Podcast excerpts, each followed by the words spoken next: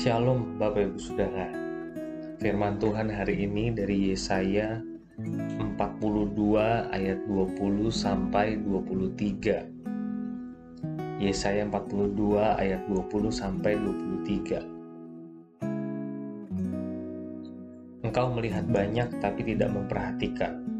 Engkau memasang telinga tapi tidak mendengar Tuhan telah berkenan demi penyelamatannya untuk memberi pengajarannya yang besar dan mulia. Namun mereka suatu bangsa yang dijarah dan dirampok. Mereka semua terjebak dalam geronggang-geronggang dan disembunyikan dalam rumah-rumah penjara. Mereka telah menjadi jarahan dan tidak ada yang melepaskan, menjadi rampasan dan tidak ada yang berkata, "Kembalikanlah."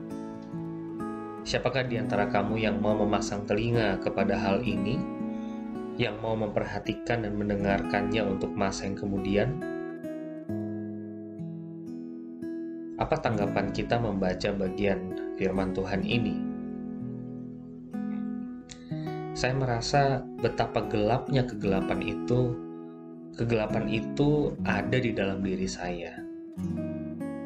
Yesaya 42 ayat 20 sampai 23 berhasil menangkap hati saya.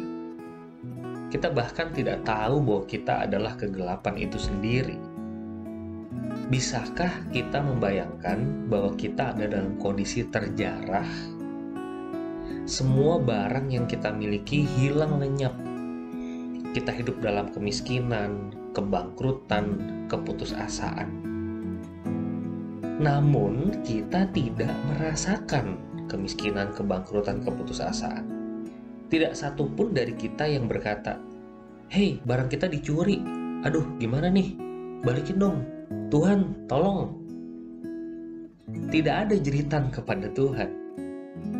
Padahal Tuhan berkenan menyelamatkan, memberi pengajaran yang besar dan mulia. Dia mau nolong, tapi kitanya nggak ngerasa perlu ditolong. Manusia yang gelap itu sama sekali tidak berseru ketika juru selamat datang. Ia akan berespon, emangnya ada yang salah?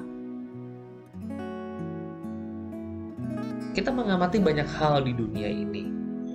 Bantuan 2 triliun yang ternyata zong. Kita melihat tim renang suatu negara menggunakan pakaian tertutup karena melawan isu sexual abuse kita mendengar tim Rusia yang dihukum karena terlalu banyak menggunakan doping di Olimpiade sebelumnya. Kita mendengar dana bantuan sosial COVID yang dikorupsi, dan ternyata hukumannya amat minim.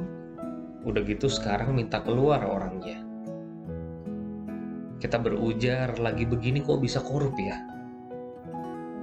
Kita mendengar dan melihat artis-artis memamerkan harta kemewahannya di tengah-tengah pandemi kita mendengar berita artis yang habis divaksin langsung kumpul-kumpul. Anggota DPR minta diisoman di hotel tertentu, dan seterusnya dan lain sebagainya.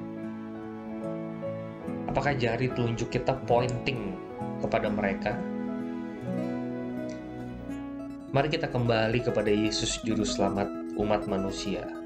Kita perlu kembali, sebab kita semua berpotensi menambah kegaduhan cerita-cerita negatif akan terus bermunculan di tahun-tahun ini dan ke depan.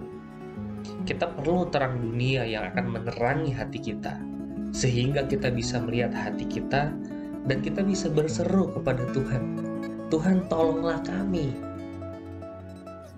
Di tengah-tengah aktifnya jari jemari kita berinstagram ria, berwhatsappan ria, tetaplah membuka firman dan merenungkannya kita perlu menundukkan hati dan pikiran di dalam Allah, mengkorelasikan apa yang kita baca di Alkitab, dan kita perlu melihat headlines berbagai media sosial.